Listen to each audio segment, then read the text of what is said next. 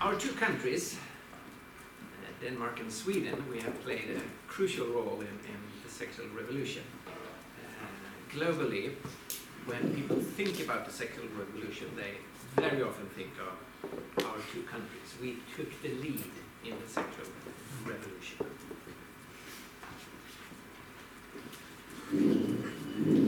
And from the Swedish side, uh, this blonde sex symbol is very often a symbol of the, the Swedish uh, impact of the sexual revolution. This is uh, this is a, a world famous scene from uh, Fellini's uh, movie La Dolce Vita, by many film critics viewed as one of the most important films ever made. And uh, Anita uh, was at the time, or because of this film, she became the world's kind of leading uh, female sex symbol. I don't know if you've seen the movie, it starts very interesting. It starts with two helicopters flying uh, uh, over Rome. Under the first helicopter, there's a huge statue of Christ. And that statue is going to be moved from a church or a museum to another place. And behind that helicopter, there is another helicopter with four or five young male journalists, and their task is to to uh, uh, to cover the move of this Christ statue. So they're flying on uh, very low over Rome, and then they come over a hotel roof where there is a swimming pool and a number of beautiful young girls in bikinis, sunbug. And of course, that's so much more interesting for the journalist than the Christ statue. So they are telling the uh, helicopter pilot to stop and start to circling over uh, the women. And they try to make contact and uh, can we phone and can we. And then you see the Christ statue just disappear away. That is Fellini's way of saying we have a Christian history, but we are leaving that. Now it's the sexual revolution. And the rest of the film is about uh, these young, uh, beautiful people trying to establish different kinds of uh, relationships. And the most famous scene is when uh, Anita Ekberg is standing in, in the water of Fontana di Trevi. It's uh, late in the night. It's a really beautiful scene. For the male eye, it has everything. This beautiful blonde is standing there, and the young man is standing outside uh, the water, and she says, Marcello, Marcello, come! And he walks out in the water and approaches her. And it's really high tension. And precisely when they're going to touch, the water stops to flow. It just becomes silent. And the spell is lost. And they do, do not touch. And they walk away in silence. If you look at the, the movie, people think it's a, it's wow, this is a celebration of the sexual revolution. It's not. It's so empty. People do not connect. They do not find meaning in sexual re- relationships. So it's an interesting and I think often misunderstood movie. It portrays the sexual revolution, but not as a success.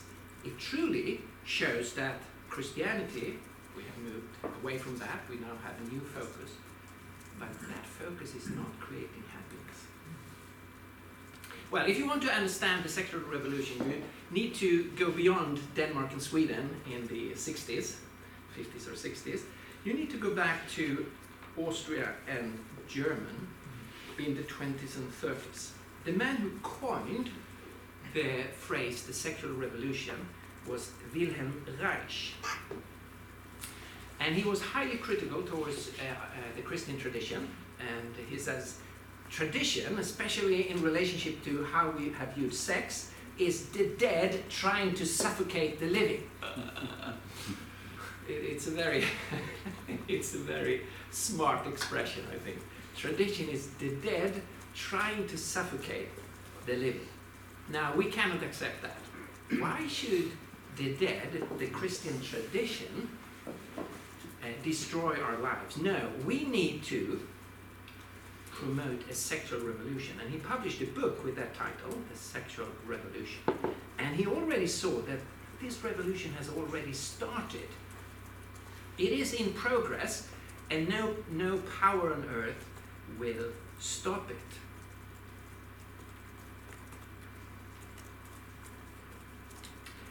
And uh, Wilhelm Reich, uh, he believed that uh, just in order to be healthy, uh, you need to have at least three orgasms a week. So he's really focusing on, on just the, the physical aspect of sexuality. There, there is where you can find uh, uh, happiness. He, uh, that is of course the, the uh, uh, Venus, the goddess of, of love, the birth of Venus. He also understood that his, his, his perspective starts without God. So, no meta empirical authority of values. There's nothing above us. There are no values with authority above us as individuals.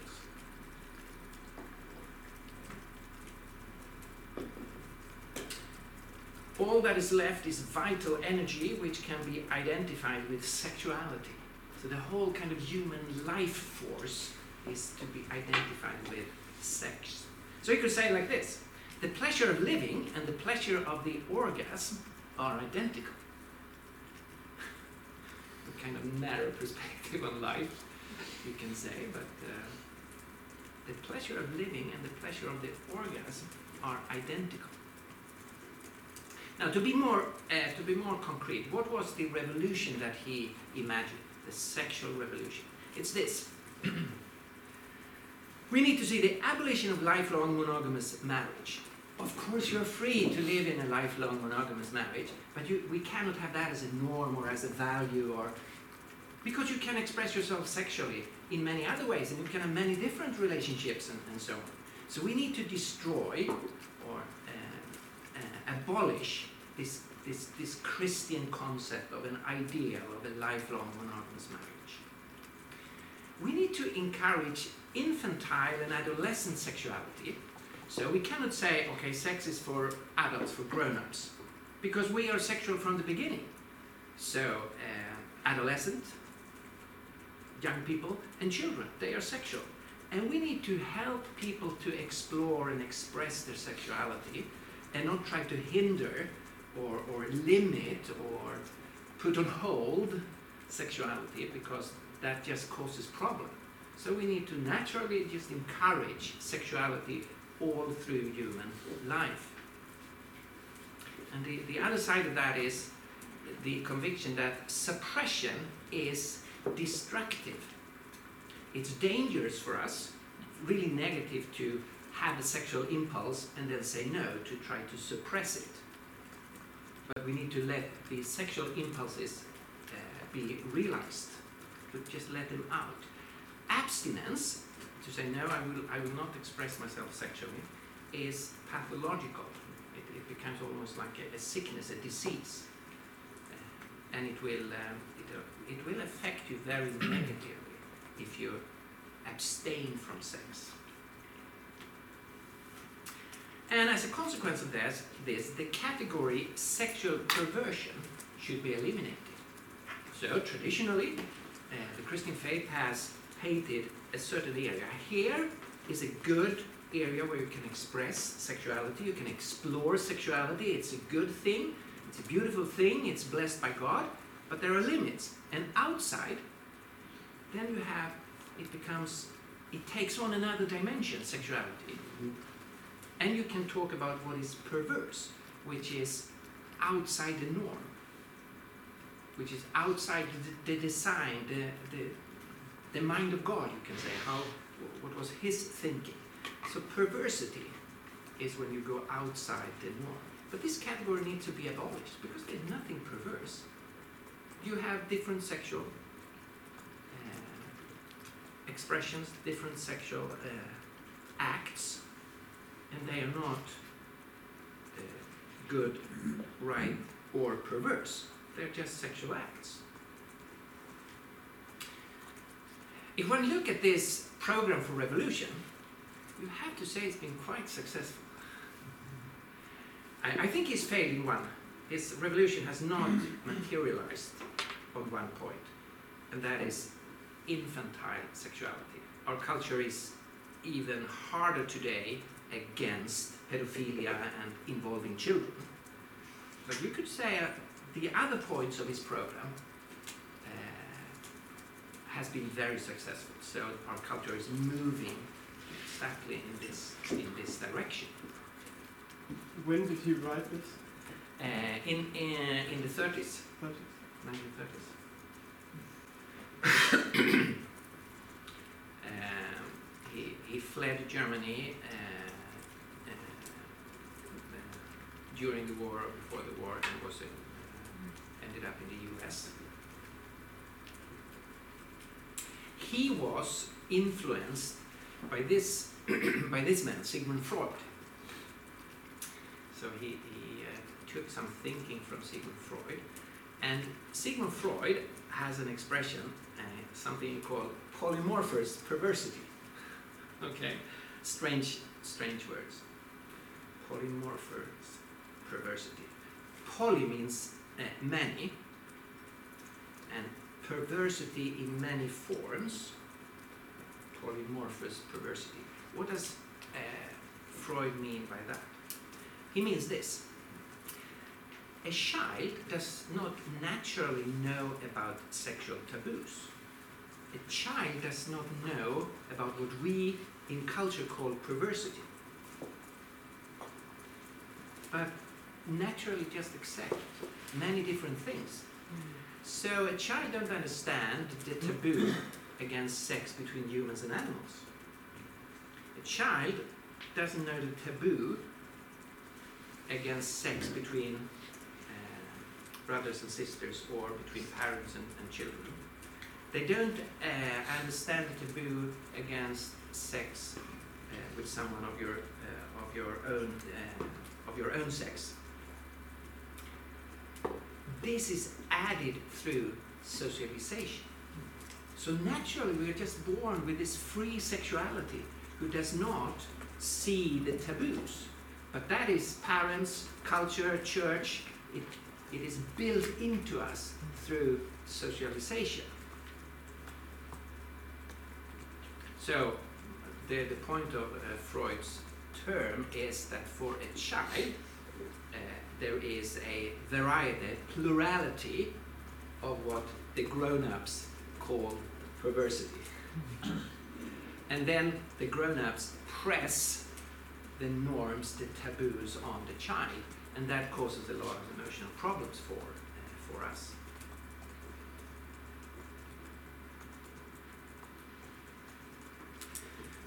But in order to understand the sexual revolution, one needs to go beyond Sweden and Denmark, beyond Germany and Austria, and we need, need to go back to the French Revolution. So here's the connection between those two presentations. We need to go back to Marquis de Sade. The French nobleman who was not at all noble in his, in his thinking or in his behavior. It is from his name uh, we have sadism to have uh, to feel pleasure by inflicting pain, to feel sexual pleasure by inflicting pain on another. That's from his name because that was one of his uh, favorite sexual things. He's called the founder of eroticism. He really understood that if there is no God, there is no limit to what we can do. Human life is a total free area with no boundaries. You can do whatever is possible to do, whatever you can come away with. And he practiced it, lived a horrible life, ended up in prison a number of times, wrote a number of really destructive books, which is a blend of philosophy and pornography, where he is uh, having a lot of pornographic descriptions and blend them with philosophical reasoning why there are no limits to human sexuality. So he he totally understands the, the, this uh, this view that if there is a God, then there is design, then there is limits, norms. But if there is no God, all that is gone, and we are totally free. As long as we we can be physical limited. So of course we can inflict pain on someone and feel sexual pleasure for that. But if we are unlucky, they are more physically powerful than us, and then they can inflict pain on us. So of course there are limits, but it's only physical limits. You can do whatever your strength uh, makes it possible for you to do.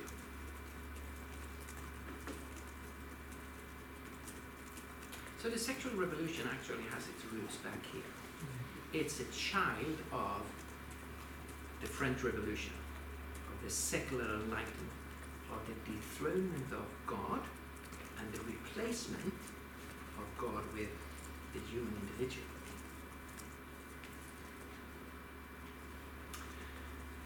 The result is that we have put a, a split between things that traditionally were connected. So there is split between sex and marriage. Of course, you can have sex within marriage, but you can also have sex in many other different relationships. There's a split between sex and love. Of course, you can have sex with someone you love, but you can also have sex with a, a lot of other people that you're not connected to, you do not love, you do not have a commitment, you do not have feelings for them, you just have sex. You play badminton with some people, you have sex with some people, and there's no commitment or love or, or relationship. It's just a partner for that activity. You can have sex in a more permanent relationship. You can have a one night one night stand. Of course, we have sex so we can have children, uh, but we do not need to take that into account uh, when we are thinking about uh, about sex. We can, of course, have sex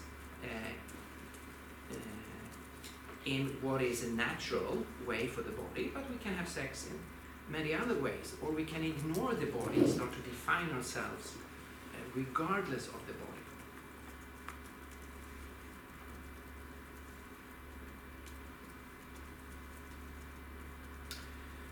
So we have isolated sex, we have moved sex out to something on its own. The, the, the um, different sexual acts and the pleasure around sexuality. We have kind of isolated that. That is something in itself. And you're totally free if you want to connect it with something else, or you just want to drink from the fountain of sex itself. You don't have to connect it to anything else than your own sexual pleasure.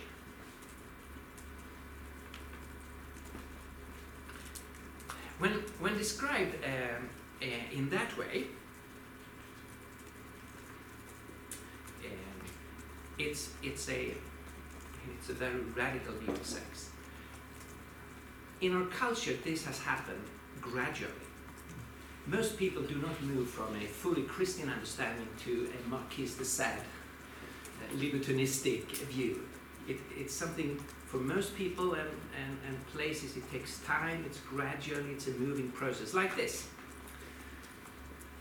So, our culture, we have moved from an ethic of commitment in its highest form, lifelong marriage, for better or worse, until death do us apart. That is the context for sexual expression. That is the traditional view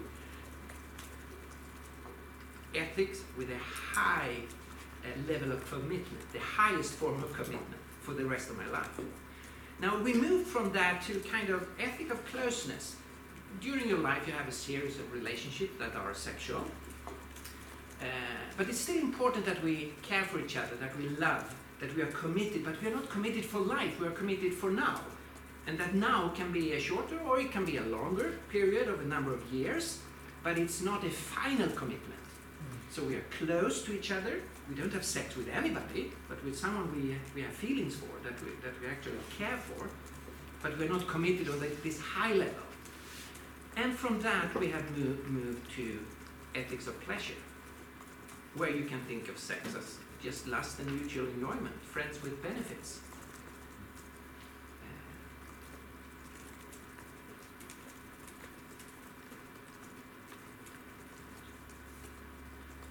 so here is a process where we gradually have changed our view on sex. Or to, to take another aspect,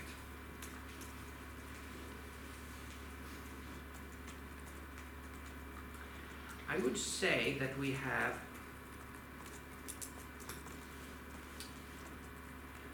uh, we have made male sexuality as the norm. What do I mean? Well, in, in the past, uh, our culture called women to be chaste. A, a- deeply wrong perspective where, where our culture said, well, men have a stronger sexual urge, they don't really can control it, they're not really responsible, so it's up to women to regulate sexuality so it does not become chaos. And if it became chaos, it's probably the women's fault.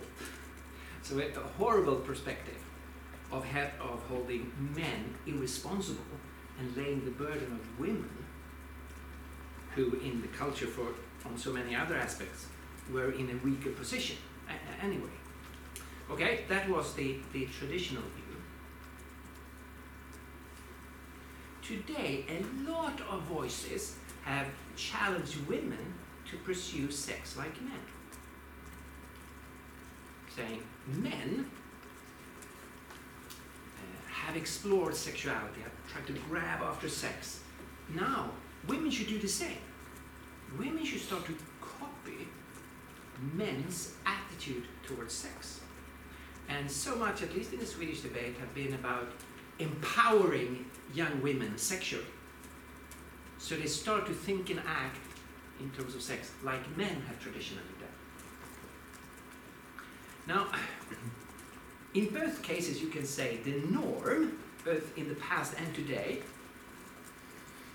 is male sexuality, and in my view, fallen male sexuality has been made into the norm of our culture. That's really a stupid move. The alternative is, of course, to encourage men to be responsible. That is one of the, uh, uh, the great challenges we need. Men need to be more responsible in terms of sexuality. There is a slight move in that direction through Me Too, I will come back to that. Uh, but it's not, I don't think that the challenge is fully there. And that's such a weakness for our culture uh, that we make fallen male sexuality the norm for both sexes.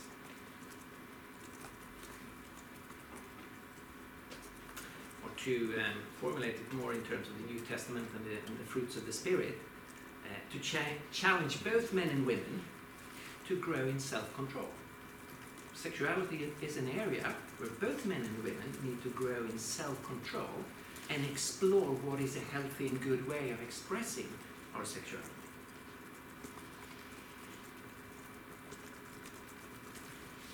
It's not strange if, if the roots of the sexual revolution goes back to Marquis de Sade that it is fallen male sexuality that's, that has become the norm for our culture. It follows from there. A, a third way of trying to describe this process is how do we understand the sexual union? The union. What is our understanding of, of this act of two bodies coming together? The traditional way of understanding the act itself is that it is a sign of unity. It's a covenantal sign. It's a manifestation of belonging.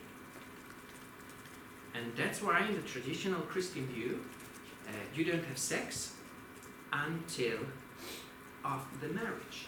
And in the marriage ceremony, ceremony you are challenged. Do you take this?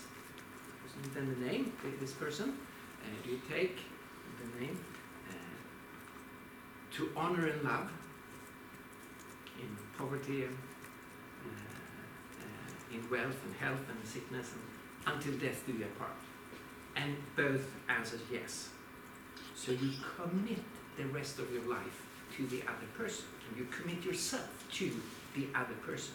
And then you manifest what you just said with your mouth I belong to you for the rest of my life. You manifest that in showing you belonging with your bodies. So that is a sign of the unity that was established in, the marriage ceremony.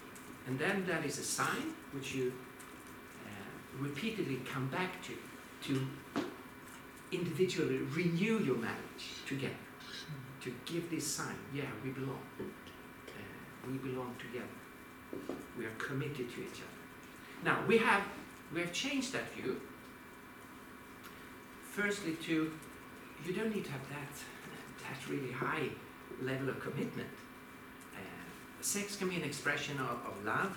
Uh, it's an intense emotional exchange between two people who care for each other, and you don't do not need to go beyond that. It's an ex- expression of love feelings. But then that has moved to say, well, it's, it's basically physical uh, pleasure. It's the most potent body massage. And don't do anything more uh, about it. it it's, re- it's really nice to have your, your back or your, uh, your feet massaged. It's, it releases endorphins, it's, it's a good feeling. And this is just the most intense uh, form of body massages. There is no significance to it. Like there is no specific significance to have uh, your shoulder massaged because you are, have some tension there. There's no significance beyond the, the, the pleasure, the well-being at the moment. And it's the same with sex. So you see, it's, it's been this gradually change of understanding what is this? And all the way through, you have this question is there a design or not? We need to come back to that. The Christian view is not built upon, there are certain verses in the Bible forbidding this or that, or affirming this or that. Now, that is really important, of course, what the Bible teaches us. But the, the basic understanding from a Christian view is that there is a designer, there is a thinking behind this universe. It's not random uh, what is here. Okay, so our our culture has moved along this sexual revolution. Now, ideas have consequences, action has consequences. Uh, and you know, revolutions, all revolutions promises utopia, promises paradise. You think of the communist revolution, 1970. Now, this is the path to uh, to uh, a, a, society without oppression, without poor people, with equality, uh, with uh, justice, with righteousness. So there's always a lot of promises connected with uh, a revolution.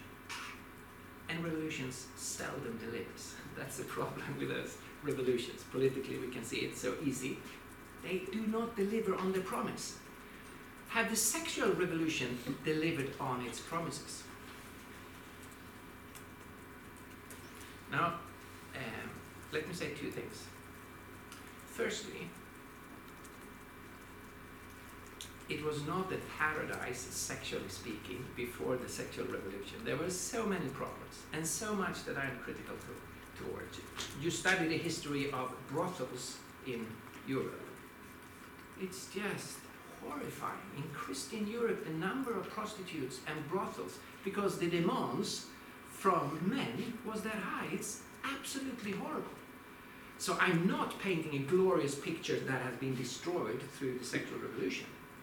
It was a very gory, very uh, problematic history.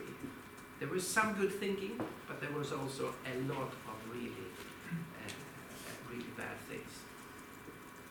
Secondly, not every aspect of the sexual revolution has been bad. A number of aspects have been really good. For example, that we can talk so freely about sex as we do here today. That we have uh, affirmed female sexuality. If you look historically, it's been focused only on male uh, pleasure, male enjoyment. Uh, so there's a number of positive things that has followed from the sexual revolution. I'm not at all denying that. and yet I'm highly critical.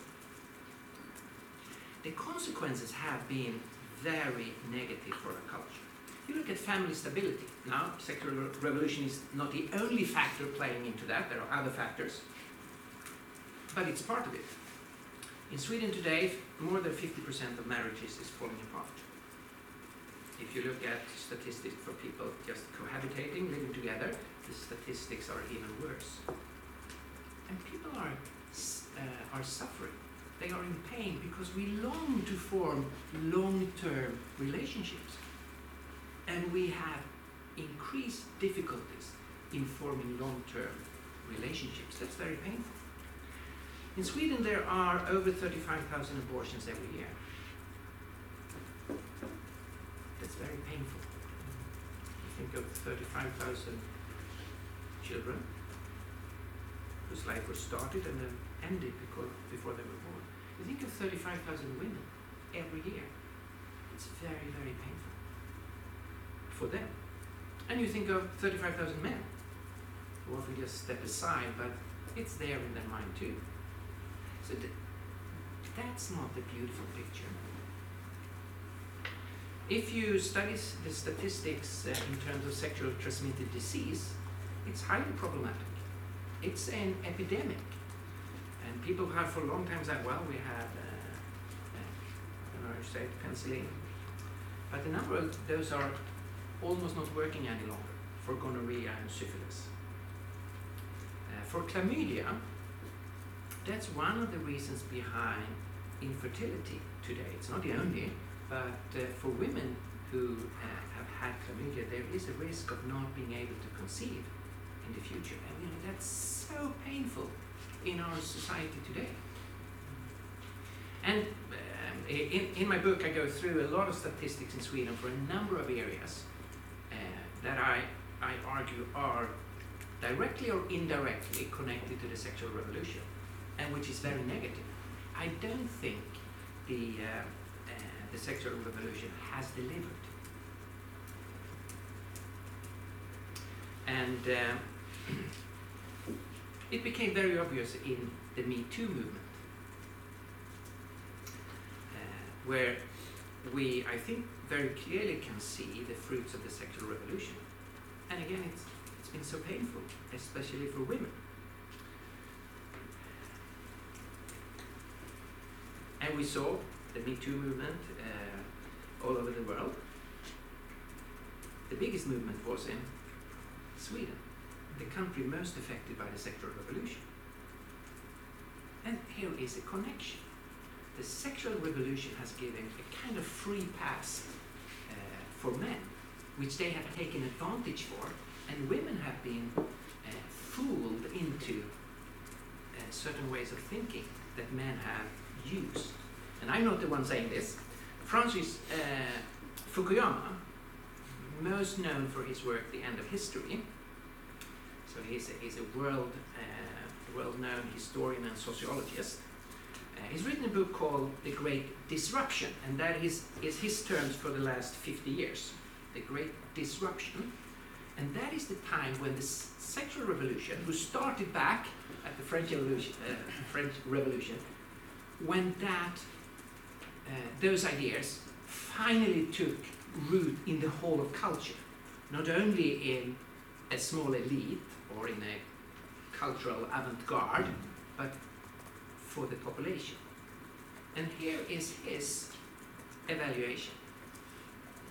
One of the greatest frauds perpetrate, perpetrated during the Great Disruption, during the last 50 years, was the notion that the sexual revolution was gender neutral, benefiting women and men equally, and that it somehow had a kinship with the feminist revolution. In fact, the sexual revolution served the interests of men, and in the end put sharp limits on the gains that women might otherwise have expected from their liberation from traditional roles.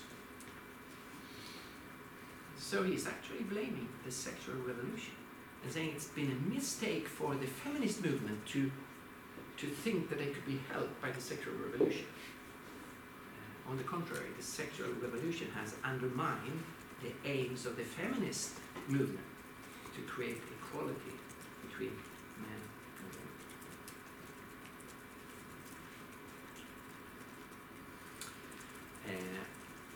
women. Uh, I, I end here with, uh, with one last slide and we can then move into uh, discussion and, and uh, comments. Uh, I saw a photo this sign. Please, no explanations inside the church. I guess it's one of the historical churches with a lot of tourists where guides are giving explanations of the altars and the paintings and, and so on, and it disturbs uh, for, the, uh, for people who want to pray and so on. But I think it's also a, a very timely sign or, or an ironic sign for the church. We have talking too little about sex. We need to be talking openly and deeply about sex.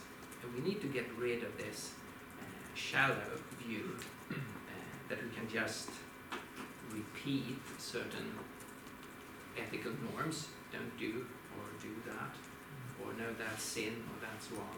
We need to have a deep discussion on how to understand sexuality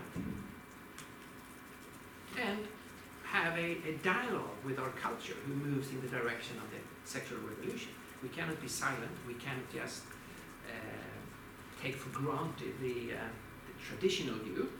I'm not arguing that we should change the, the basic perspective, not at all. Uh, but we cannot just take it for granted. It needs to be explained and defended and explored in a much better way than we, we have uh, done. Maybe I should end with, a, with, with another slide. This is a, um, an Aus- an Australian Catholic talking, already back in 1953, but I, I really like this, this quote. He says, The typical modern man practically never thinks about sex. What? Very strange, but hang on. The typical modern man practically never thinks about sex. He dreams of it, of course, by day and by night. He craves for it. He pictures it, is stimulated or depressed by it, draws over it. But this frothing, steaming activity is not thinking. Drawing is not thinking. Picturing is not thinking. Craving is not thinking. Dreaming is not thinking. Thinking means bringing the power of the mind to bear. Thinking about sex means striving to see sex in its innermost reality and in the function it is meant to serve. That's a beautiful uh, passage, I think. And our culture is not thinking about sex, it's very much occupied by sex, but not thinking about sex in its innermost reality and in the function it is meant to be, uh, it's meant to serve. And I don't think the Christian teaching on sex is uh, doing much better. A little bit better, but uh, we have a lot of work to do here in thinking about sex in its innermost reality and in the function it is meant to serve. Okay. Thank you very much, Stefan. Very interesting with the historical perspective. I think uh, I need to, uh, need to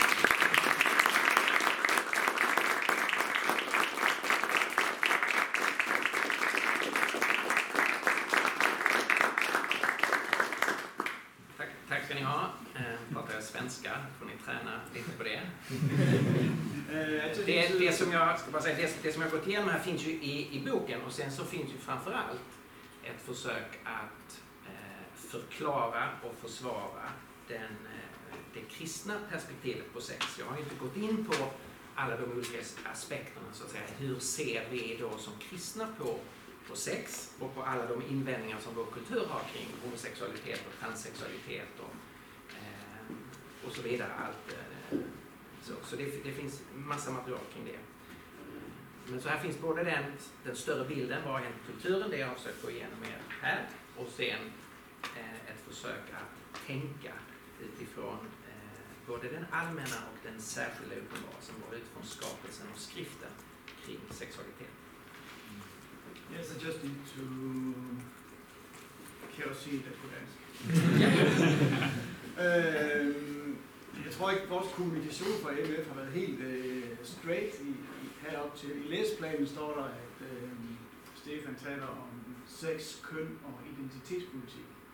Og det svarer jo rigtig meget til det, vi har hørt i dag. Og i de e-mail, vi har sendt rundt, der har vi highlightet homoseksualitet.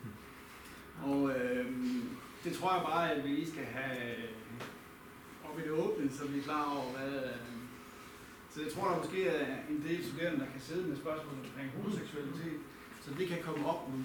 Ja. Øh, øh, vi har så fået et, øh, et bagtæppe og en baggrund for at diskutere det og forstå det. Og øh, det betyder selvfølgelig ikke, at vi kun må øh, spørge om homoseksualitet eller noget. Altså alle spørgsmål er velkomne, men øh, jeg tror bare, at øh, at jeg er lige brug for at sige, at vi har ikke været helt klare i vores kommunikation, og det tror jeg også planter sig sådan nogle hoveder her øh, i salen. Men øh, uanset så er det jo øh, et emne, som er påtrængende, som vi har brug for at tænke over.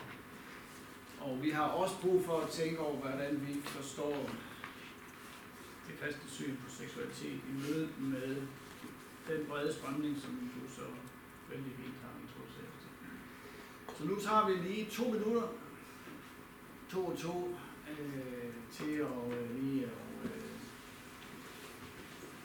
øh, vende det, reflektere lidt over det, og så åbner vi op for øh, kollektiv samtale ret hurtigt.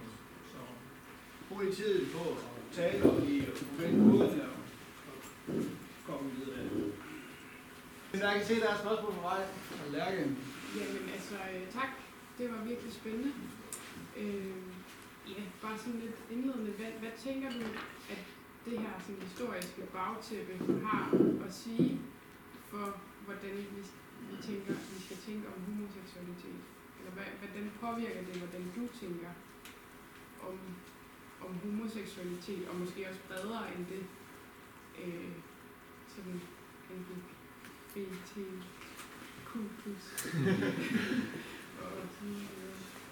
Just det, tack. Eh, spelar det en, er någon roll vilket språk? Är det bättre med engelska än svenska? Okej, några nickar. Okej. Thanks for a, a good question. Um, I think it's um, it's um, it it uh, it underlines the importance of ideas.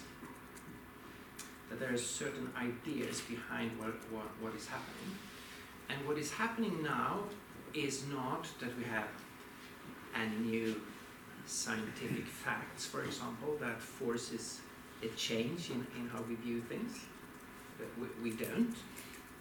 Um, so, for example, we, we don't know what causes our, uh, uh, our sexual identity. Homosexuality is not genetically caused. That much we know through uh, identical twin studies. Because if, if it would be genetically caused, if one twin were homosexual, the other would be it. And that, that's not the case. Um, so uh, it's, uh, uh, for me, the point is to see that a culture is shaped by ideas. And we have affirmed an idea that there is no God, therefore, human beings are at the center. That means everyone can define themselves. And that has gradually opened the door, if we take the, the more extreme thing, that you can define yourself as something opposite your biological sex. So uh, I could claim I am, I am a woman, that it, my true inner self, my true inner identity, my soul, is, is a, a woman. Unfortunately, for some strange reason, I was put into a male body. Uh, now, let me say, just to be clear, I'm, I'm not, uh, I'm not denying the enormous pain uh, people who are suffering with gender dysphoria are experiencing. That pain is real and can be real up to the to the level of people taking their lives. So we should talk with this, uh, take that very seriously. The pain is real, but that does not mean that uh, the explanation your soul came into the wrong body is true. There can be another explanation for the pain. Um, and I would say, um, uh, uh, I would say a similar thing in terms of uh, homosexuality, that it has to do with ideas, that the culture now embraces same-sex relationships and say they are equal to heterosexual relationships. It because of ideas, uh, that we have this idea that the human individual is the absolute norm. And how then can we say anything about the choice that the, that the person is doing? So that would be my basic, my basic answer. This is not, it has not happened out of chance, it has not happened because of some new facts. Because as, as a Christian, I'm, I need to be open to facts, to truth, to reality. Uh, one should never deny reality, deny truth. Uh, but I don't think the, uh, the new view is based upon some uh, truth that are forcing us to change, to change our view.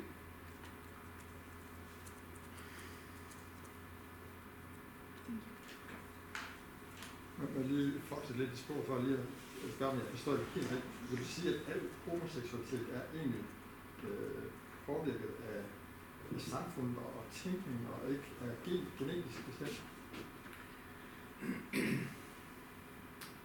Uh, yeah, let me. Uh,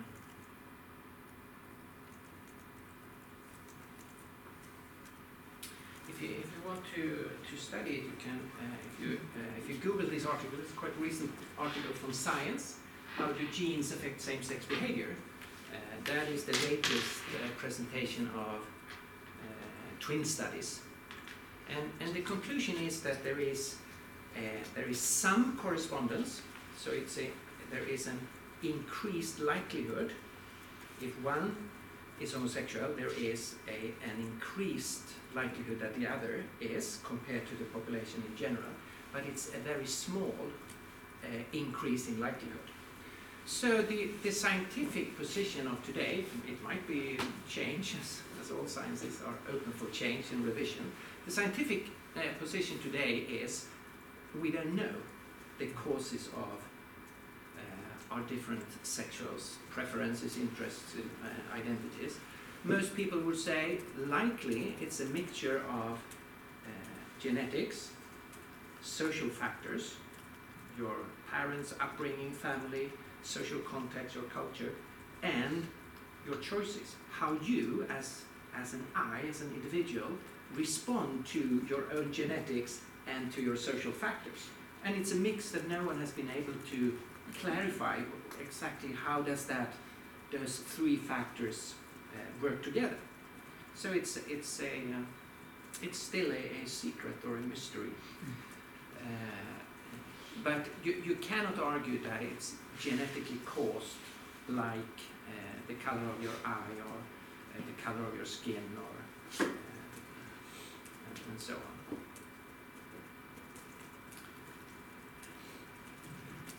And uh, often for the gay movement, they they uh, they wanted to use uh, this argument from. They claimed they have found a gay gene. So they said, well, okay, it's genetically caused. Uh, there is no. we- had no choice. Therefore, it needs to be accepted. That was the, the line of reasoning. The claim was wrong. There is no gay gene. Uh, but secondly, it was wrong also in terms of therefore we need to accept it because you cannot go from genetics to ethics. A thing is not right just because it's biologically caused. Ethics, what is a right or wrong behavior, needs to be discussed regardless of the genetic background. So let's say that violence, you could find a, a violent gene which explains that some men is uh, violence against women. Would that make it right? No. It would still be wrong. The action, regardless of its genetic background, it's still ethically a wrong action, act. So ethical issues needs to be di- discussed ethically, not in terms of genetics. And uh, th- there are so many things. If you, I, I try to analyze them and uh, to analyze. If, if, if I just think of my, my own, I still think I'm very young, okay? But um, if I think about my own lifetime, during my lifetime, the culture I've been a part of have had four distinct views on homosexuality. So when I was a child, the majority of Swedes, the, the dominant perspective was uh, homosexual relationships are, uh, are wrong. So a negative attitude, generally speaking. That moved quickly into the position, well, it's still not ideal, but for some people they they don't have an option. There's no alternative. So, okay, we have to accept that some people live in a way that is not really ideal, but we have to accept it. So, a slightly more allowing attitude. That moved quickly into the position Petron homo is equal. It's the same. They are equally valid, equally right, equally good, equally. They are the same. We should view it as majority use the right hand, the minority use the left hand. It's not right or wrong, better or worse. It's just the uh, variety, interesting variety. We have different uh, skin colors and hair colors. It's a variety. It's just interesting. Don't make any distinction. And then, in some groups, it's moved up to the position gays have more fun.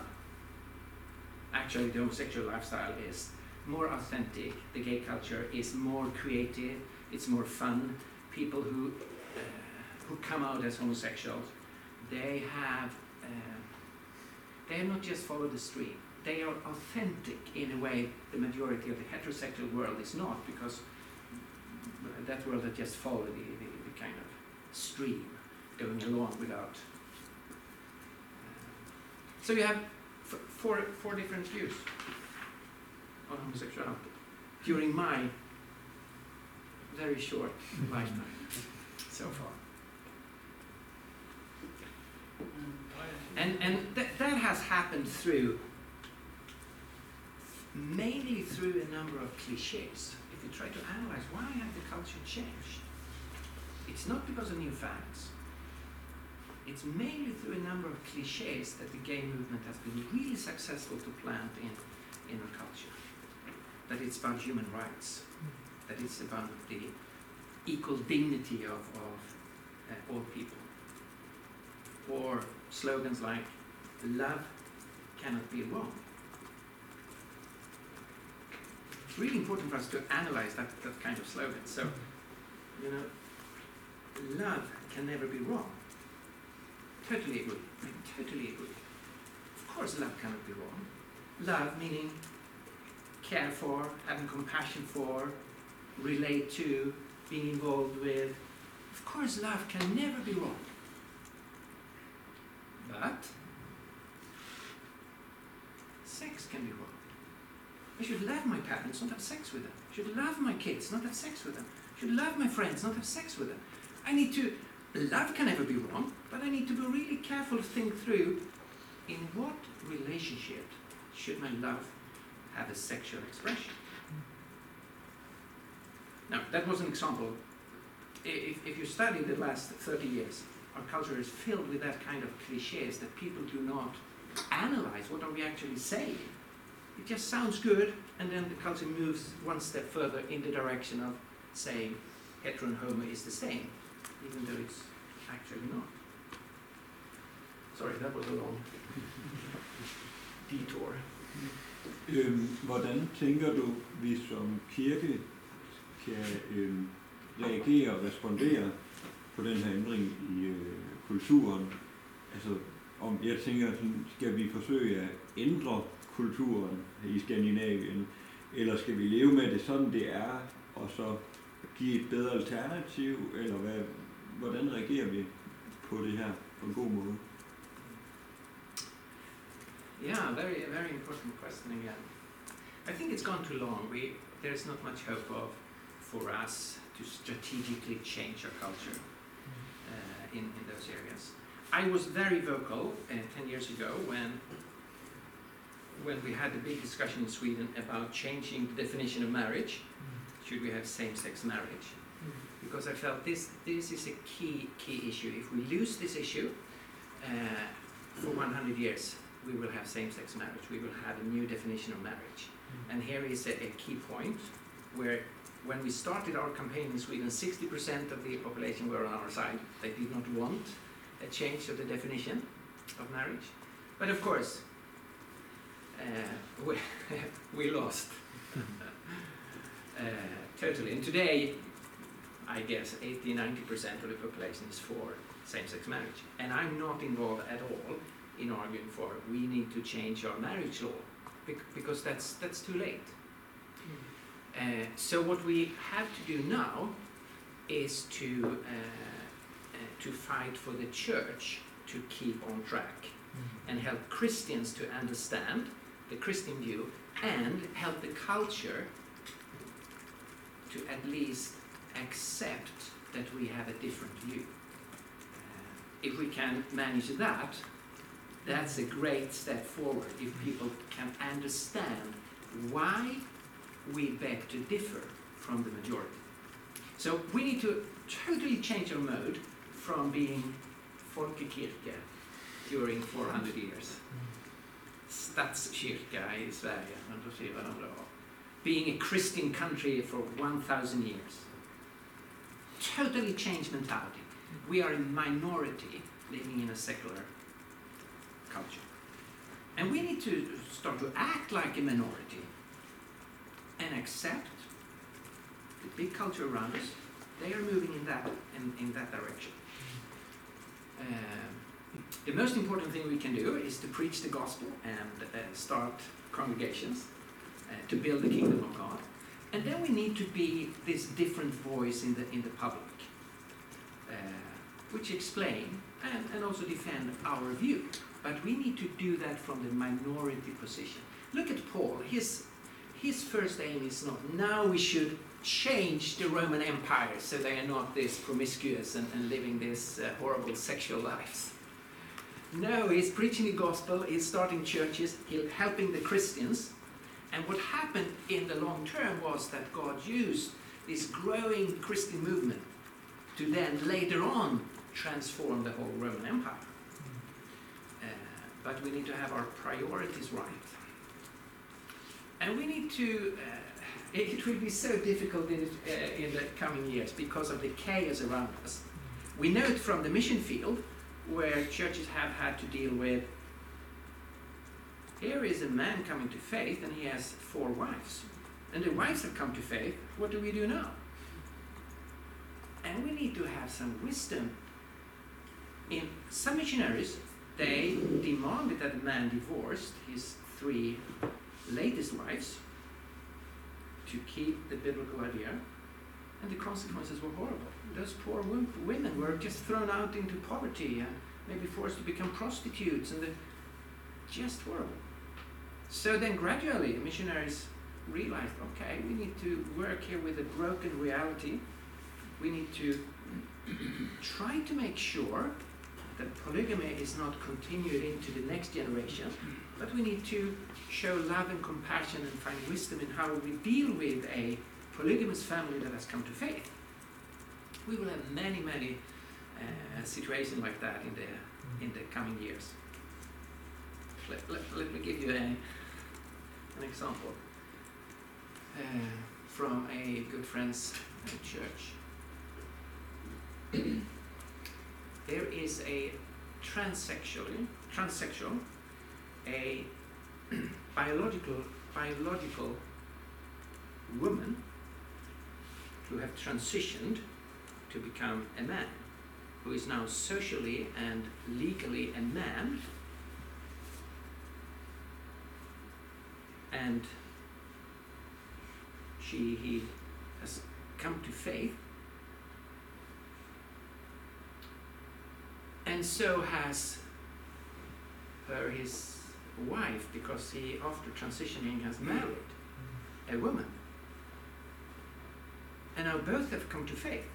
And they want the pastor to bless their relationship and to join the church. And they are eager to take responsibility within the church, to have leadership functions. And they are gifted. So, what do you do?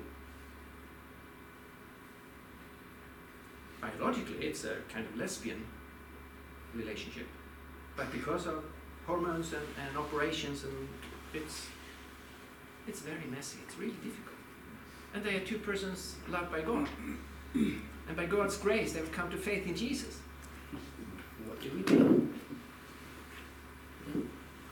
I i don't have an, an easy solution. We need to express both love and truth from a christian point of view we have concerns about this whole idea of transitioning and not try to work with the, the body God has given to you. But when it has already happened, what do we do? So, a lot of terrain that we have no, we can't look into the church father much or church history, or it's a new terrain. Difficult, challenging. But God is still at work, and, and, and we need to go into those difficult situations. Øh, det her er måske et spørgsmål til både Claus og dig, fordi Claus er nytestmænd. Ja. Og jeg har store problemer med pervers i 1. Korinther 6. Um, for ikke vild, hverken utugtige eller afgudstyrker, eller ægteskabsbrydere, eller mænd, der lægger i med mænd, eller tyve eller griske mennesker, ingen drukkenbolde, ingen spotter, ingen røver skal afgive sig i. Jeg har jo, jeg kender flere alkoholikere, som er oprigtigt troende. Jeg kender også homoseksuelle, der er oprigtigt troende. Øhm, men det her det fik ny aktualitet med en ny oversættelse, vi har fået i Danmark, hvor der ikke står mænd, der lægger i med mænd, men der står homoseksuelle. Den ikke afgivet sig i. Hvad er det for Hvad? præcis? Hvad er Det er 1. Korinther 1, 6 til 1, øh, 1. Korinther 6, 9 til 10. Okay. Ja, altså, jeg, har Paulus forstået Paulus? Altså, jeg synes ikke, det stemmer med retfærdiggørelsen af tro. Det er, Eller har översättarna förstått Paulus? Alltså vi hade en tidig översättning, en 81. De översatte också så eh, med eh, antingen homos, homos, homosexuella. Eh, men det kritiserades väldigt eftersom eh, det begreppet inte finns i antiken. Man tänkte inte sexuella läggningar. Och det har ändrats i senare utgåva av det som vi nu har heter, som heter Bibel 2000. Där, där står det män som ligger med män, som ju är den mer ordagranna, eh, eh, ordagranna översättningen. Så det är ju själva begreppet homosexualitet och därmed homosexuella. Det myntas av en, en ungersk journalist på slutet på 1800-talet och kommer in i medicinska böcker i slutet på 1800-talet. Så det är ju ett nytt begrepp. Det som man är fokuserad på det är inte att det finns olika sorters människor utan det är att det finns olika sorters handlingar. Eh, Och, och ur ett judiskt, judiskt synpunkt om man läser eh, lagen från Sinai så är det ju helt fokus på handlingar.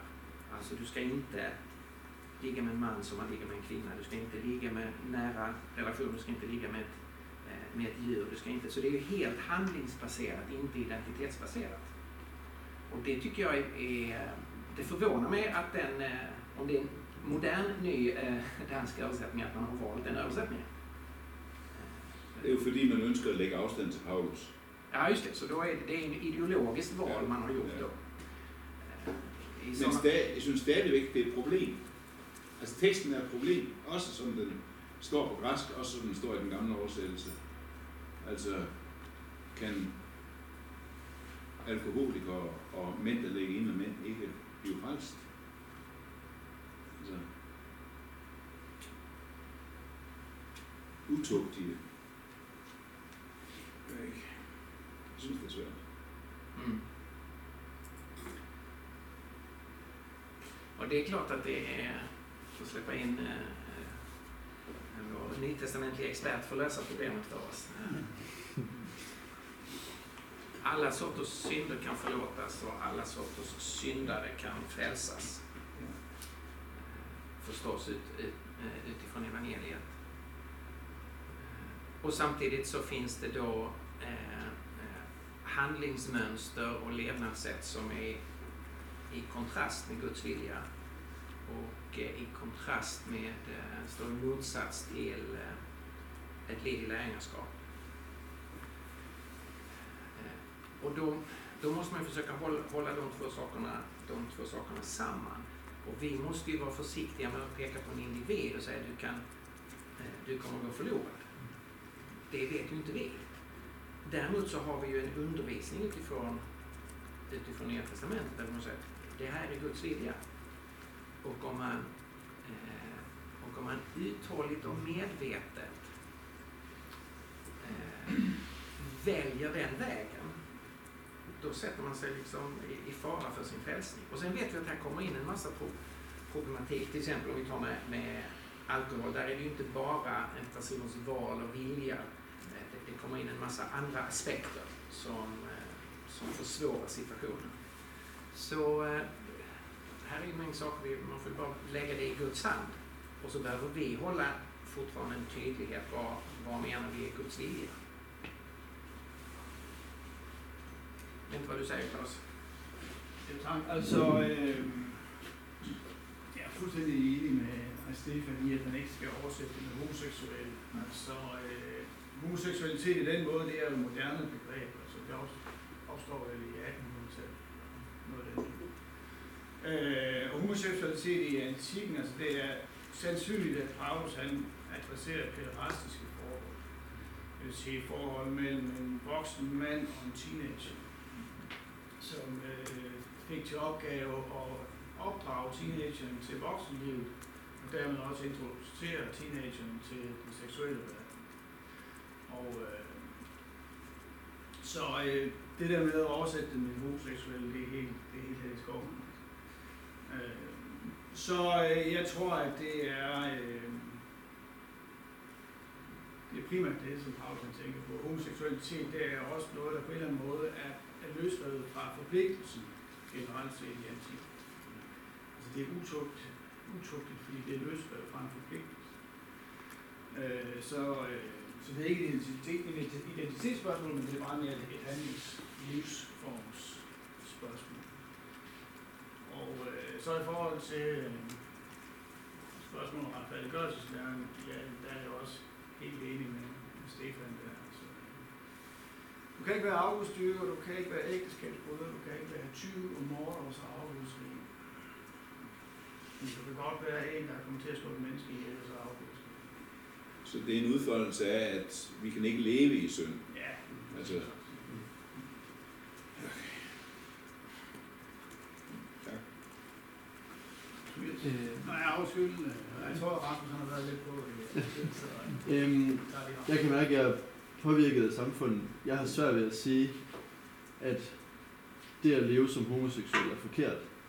Øhm, det, jeg snakkede med en kvinde, som sagde, at hun, hun vil ikke komme i kirke, fordi hun føler, at hun ikke er velkommen, fordi at vi siger nej til, til hendes måde at leve på. Hvad, hvad stiller vi op med det? Yeah, I think we will meet more and more people who, who, who say that your view on sexuality, and especially homosexuality, is a, a hindrance for me to uh, uh, to uh, to join the church or, or to become a Christian. Uh, so so um, uh, I guess that will be more common. Um, and that is of course that is of course painful, but I think we need to remind ourselves that. The, the message of the gospel is totally inclusive for everyone, and yet Jesus is not uh, adopting his message so everyone say, yeah, I will follow you. A lot of people went away because his teaching was hard, um, uh, because the demands were too specific. Uh, but if, if we take a, if we take another example, I think it's uh, it's often helps us if we uh, if we, we compare. So uh, if, if we take polygamous relationship, we don't accept that in the Christian church. Uh, actually, there's no, to my knowledge, no no Christian church yet. I'm sure they will come, but uh, we don't accept polygamous relationships. Okay, so we have the same exact same situation here. So we have in, in Sweden now because of the influx of so many uh, refugees, and uh, so we we have uh, in practice polygamous uh, marriages in Sweden. They are not registered as polygamous, but in practice, uh, one man with several wives. Okay, a lot of Muslims are coming to faith. So what now with uh, with with the wives? We see polyamory being more practiced, especially in, in the big cities. So, well, we, we have our view. We don't think that is in accordance with, with God's will. And then, in a similar way, we have the view with same sex relationships. So, I think uh, we need people, uh, we need to help people to, to understand that you cannot come to church with specific demands. I have chosen this lifestyle, and you need to affirm it. Uh, th- th- that's a strange, that, that's a strange view. Uh, we live in a pluralistic society where I need to accept that people differ from me, uh, and people need to accept that I, as a Christian, or we as the church, we differ from a lot of choices people people are making. Uh, and then, of course, you have to you have to go into the whole discussion. Why do we reject polygamy? Let, us start there. Okay, so the, the Christian church says, says God's, God's idea is a monogamous relationship, one man, one man and one woman for the rest of their lives. Why do we say that? For uh, several reasons, because the, the Bible teaches us so, but also from reality. Because uh, because uh, romantic love at its in its highest quality has always been monogamous. You will not find any love poetry in history singing to Anna och Katrina or Maria or Louise or, at the same time. When you become deeply in love, it is the one. That is what all love songs is about. The one, the only, the exclusive, the unique. That's an aspect of love. So it makes sense that uh, marriage is monogamous. Uh, secondly, when you involve more people, there will be the power play between two persons is difficult. Ask anyone who's married. The power play, if you have more, becomes increasingly difficult. And in the traditional monogamous relationship, you will have a male dominance and, and a female uh, subordination in, in, a, in a different way. So we would say here's something really in relationship to message. And in terms of empiric, there's a lot of empirical studies done uh, because polygamy is so common in Africa, for example. You can see that children are less well off in polygamous uh, relationships. They are, uh, the results in school is not as good as in monogamous relationships, and their uh, mental health and other things are are less. So we, we would say there are some arguments from reality saying uh, mon- monogamy is to be preferred. Then what about um, same-sex relationships? Uh, how can you argue there? let me then first say that hetero and homo is absolutely identical in terms of the quality of love that can be expressed. So two men or two women can show compassion and love and kindness to the same degree as a man and woman. So there's no qualitative difference in in how you can love each other and care for each other and how you can hurt each other. On both sides, there can be really high qualities and deep destruction. So we are not saying on the one side everything is, or it's better in terms of how the relationship uh, can function.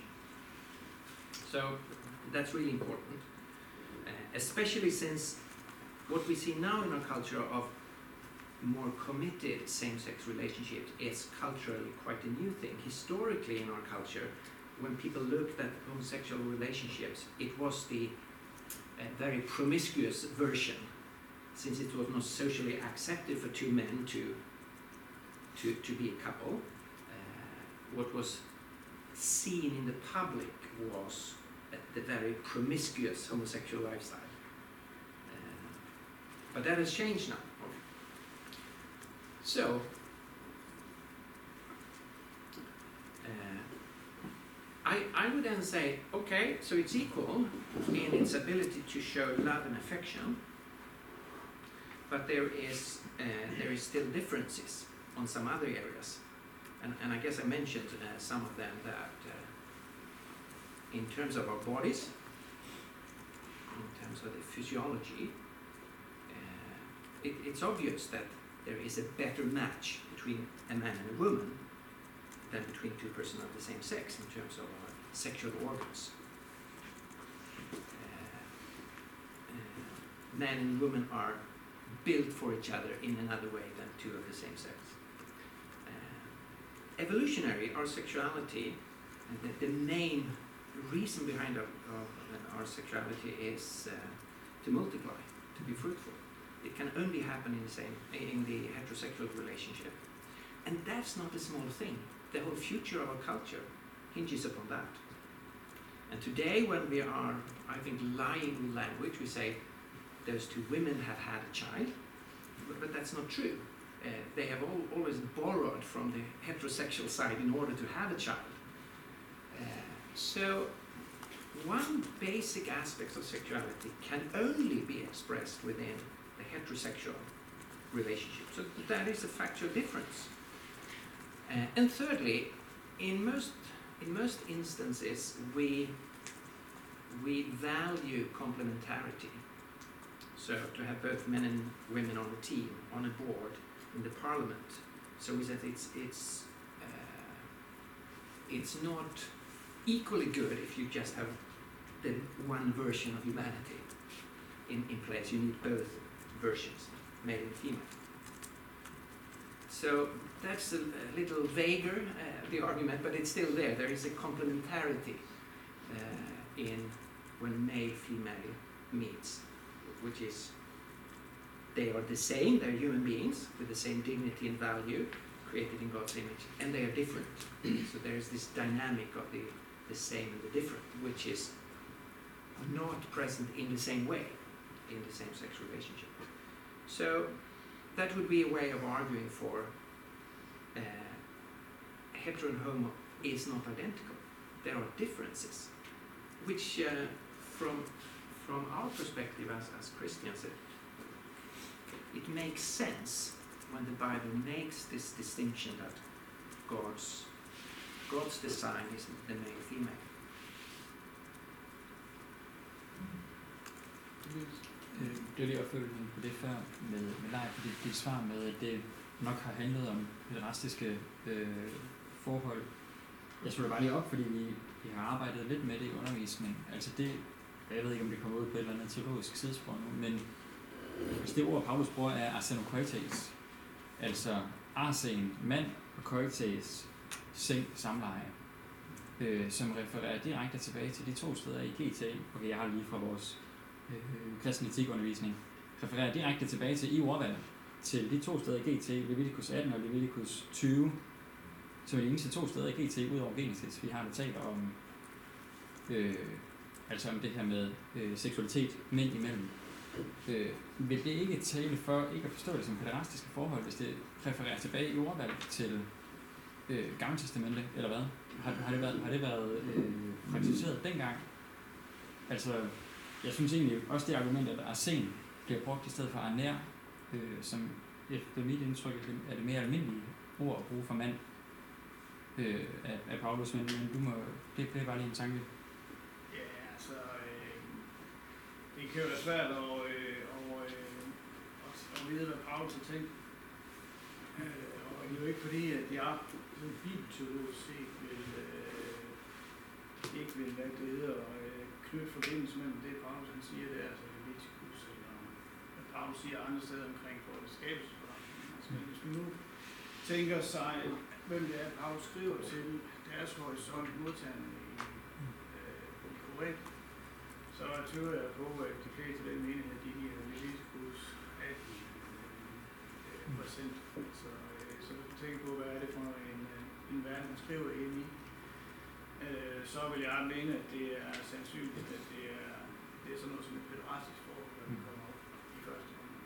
Jamen, det, det, kan sådan, det kan sådan set sagtens være, altså, så skal jeg bare vide, at er det usandsynligt, at den menighed har haft Leviticus 18.20 i baghovedet, når, når, det, altså når, når begge ord her, arsen og koites, bliver brugt begge steder i Septuaginta i, i Leviticus der. Det er jo utroligt svært at svare på. Ja, altså, klart. vi ved jo utroligt lidt om ikke en jødekristen menighed. Mm.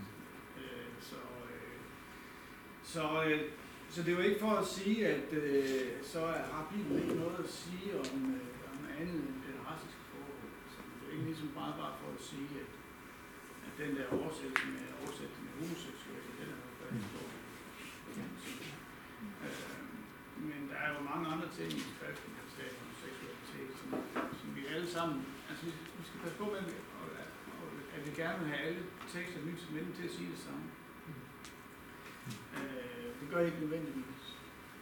Men øh, det betyder ikke, at der ikke er mere at sige. Det er det, der står i 1. Korinthus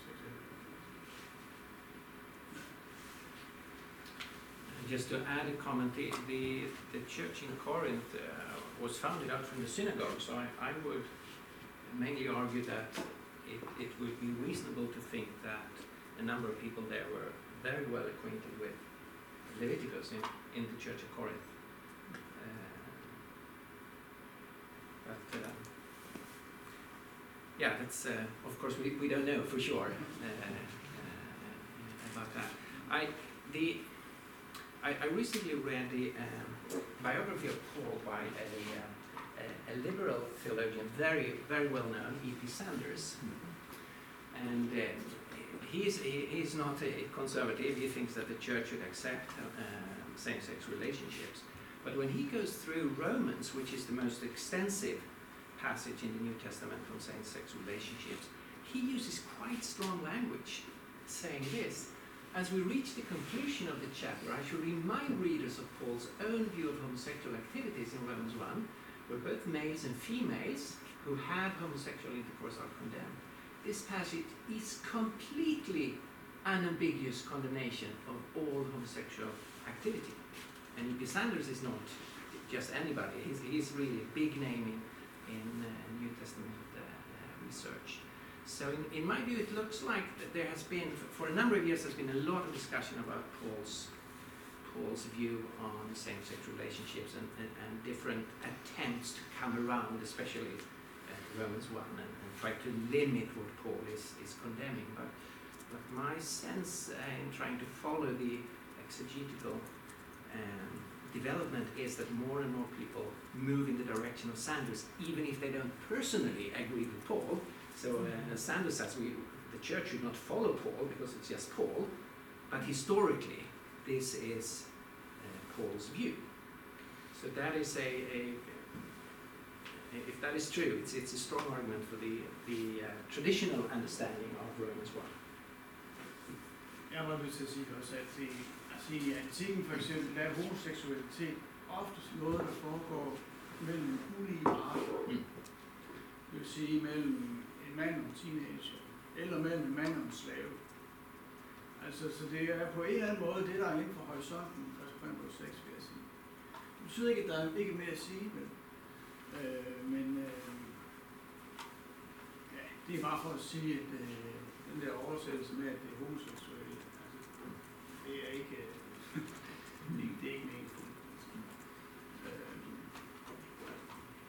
Øh, släppa in en ny röst?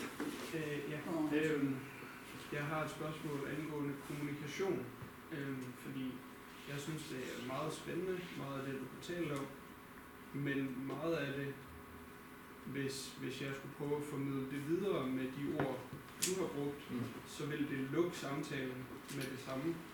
Øh, fordi at, at folk hører nogle ting, man hører, de hører, man bruger en analogi omkring incest, og så nej, så, så er den samtale slut. Mm. Øhm, så hvordan vil du øh, formidle det her til øh, en ikke til en sekulær øh, til en sekulær person? Mm. Yeah, thank you. Totally agree with, with what you're saying. And the, the communication is, is so difficult. If I make a presentation of the Christian faith on a university, so let's say I'm talking about the existence of God or the reliability of the Gospels or science and faith or the resurrection of Jesus, what's the first question? What's your view on homosexuality? okay, I've just had a lecture presentation for 30 minutes on the existence of God. Okay. so then I say, okay, I'm, I'm happy to talk you, with you about that afterwards, but this is a presentation on the arguments for God's existence. Let's focus on that. Sometimes I can come away with that, but not always. So, uh, okay, so if people press on, of course I need to, to uh, try to relate to that question. So then I would say something like this. Okay. Um, uh, this is a question where I, I cannot give you an easy yes or no. So if you want to know my position, you need to give me a number of minutes in order to explain my thinking. Because we, we all know that these are deep and, uh, and profound questions of, of uh, when it relates to our sexuality, and we shouldn't minimize those questions to yes or no. Uh, and from a Christian perspective, there is uh, uh, there's a number of things that needs to be said. So, are you ready to give me a number of minutes and follow me?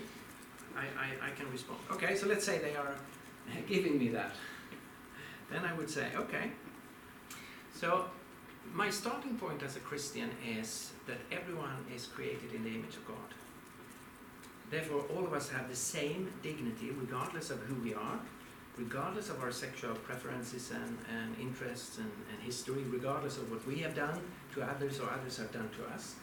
We have dignity as God's image, and we are loved by God. And God uh, uh, calls us to Himself, and He wants fellowship with us. So, according to the Christian point of view, all of us are really valuable, important human beings that God wants to show love to. And if you have met Christians who have not shown love to you, uh, they are not reflecting the faith they are they are uh, uh, proclaiming to have. Secondly, according to the Christian faith, something has gone wrong with all of us. The technical term is we are sinners. And the Bible places all of us at the bottom. Uh, which means I cannot look down at anyone. Because if you're sitting at the bottom, there's no one below you. So, as a Christian, I cannot uh, have contempt in, in that sense for other human beings because we are on the, on the same level. And here is a, a, lot in the church history that is really ugly, where Christians have not showed what their own faith is telling them, that all of us have sinned and, and uh, lost the glory of God. And we are sitting on the bottom, all of us. And, and that's why the Christian faith says, says that all of us needs forgiveness, all of us needs to have to be born again, to have a new start. Uh, and we can have that through Jesus Christ. That's the whole point of the, the center of the Christian faith, the message about Jesus, that all of us can have a new start and, start to live in a relationship with God. Thirdly, as a Christian, I'm a strong proponent for a free society. You can live exactly how you self want, sexual. Be my guest.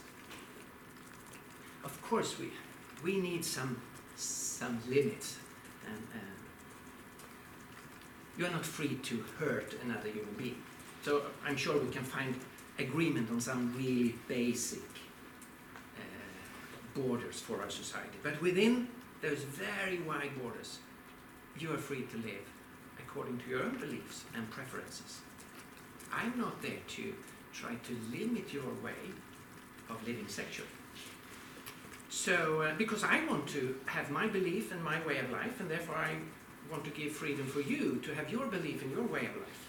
And then we need to find some good ways to have dialogue with each other because we come to different conclusions and still we want to live in the same society.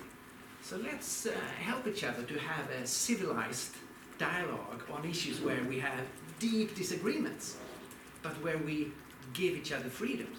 So I give you freedom to choose your life and to have your own thinking, and I hope you will give me freedom to have my own thinking and choose my own life. Okay, so far I've not said anything about homosexuality. you, you realize what I'm trying to do?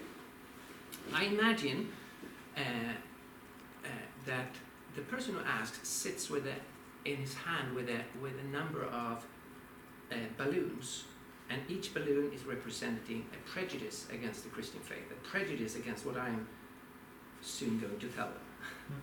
but I need to pick a hole in each balloon so the emotional pressure goes out before I can say anything more specific about the Christian view. So what I've done so far is I've tried to pick hole in, in the balloons to have the emotional and uh, tension to to go out. So they are at least slightly more open to give me here. Okay? So that was three points. My fourth point would be then say, well, you, you, you understood I, I believe in God. I just give you a number of arguments for God's existence. That means that if, if that is true, then there is a God who have created this universe, and then there is design behind this world. Then there is a will of God. And since I believe in God, my number one question is not what do I want, even though that's of course it's important for me, but that's it cannot be the number one question. If there is God, I need to ask, what is the will of God for me? That will take priority over what do I want. And you can talk to anyone who believes in God. That question, what is the will of God, will sooner or later come up to a more top position. Now, if you don't believe in God, of course, the top position in terms of your question is, what do I want? Fully understand that. But you need to understand, I believe in God. So I ask, what is the will of God? Fifthly, so what then is the will of God? Now, you know, we, we Christian today disagree on that issue. So now I take refuge behind liberal theology. I do not do that often. Mm-hmm. but in this, on this issue I do, because it helps people to relax. And it's a fact. Christians disagree on this issue. So as, I, as you all know, Christians disagree on this issue. The Lutheran Church in Sweden is a strong supporter of same-sex relationships and affirm it, and you can get married in the church. That is a position. The traditional position is saying no, same-sex relationships are not in accordance with God's design. Why have we come to different conclusions? Two different reasons. We differ in how we prioritize between the signals of the body and the signals of our inner being. Because our bodies obviously gives heterosexual signals. But then people can have a strong identity wanting to relate themselves to uh, the same sex. So what should we uh, give priority? The body or our inner being. Christians differs. And secondly, we differ in our interpretation of a number of crucial texts in, in the Bible. Does the Bible uh, reject same-sex relationship as such, or does it reject same-sex relationships when they are connected with idol worship or pedophilia uh, or uh, violence? So it's it's not the same-sex aspect that is rejected, but something connected in the culture with same-sex relationships. So there are two different, uh, two reasons why Christians do not agree on this. So you can you can find different churches here. It's no secret. You can Google my name. That uh, I argue for the traditional Christian position that we should give the singleness from our bodies priority, because I think that is a more objective side than the uh, the inner side, and I think that a the the best interpretation of the texts are the traditional interpretation that the Bible uh, rejects same-sex relationships as such. Finally, you, uh, you can never understand this position that I have uh, if you don't understand this. Every culture have a number of, of values, and then a culture put some, a few values at the top, saying these are these are the key priorities. In order to live a fulfilled human life, at least these two or three things need to be in place. Our culture puts sex up in the, the top category of what is the most important in order to live a meaningful, fulfilled human life. We don't do that as Christians. We value sex, we think it's important, but you need to remember we follow a celibate man. Jesus Christ, we think he lived the most beautiful life ever, the most meaningful life ever, and he never expressed himself sexually. He didn't enter into sexual relationships. So we have a different priority. Sex is important, but it's not in what is defining your existence on planet Earth. We realize it's really important, of course, but we have another, another hierarchy in our values. Okay, something like that. Now, uh, that is much easier to do when you stand on a platform and you have a public, and if you're sitting on a cafe and talking with someone, because then you cannot have a PowerPoint with with five points and going through. So uh, I I totally uh, feel the difficulties in, in talking about this. But in, in terms of communication, even if we're not play, uh, staying on a, uh, a platform, but we have a dialogue with people, we need to do, I think, what I did at the beginning to affirm people, uh, to get rid of a number of prejudices they have that we that we hate gays or that we are looking down on people or that we think we are better or that we want to regulate their sex life and have laws in place that uh, that forbid them to live as they want. Uh, because th- those things, in my experience, are, are really deep within people. They think like we are the Talibans, and we are not. Uh, and we really need to formulate uh, formulate that.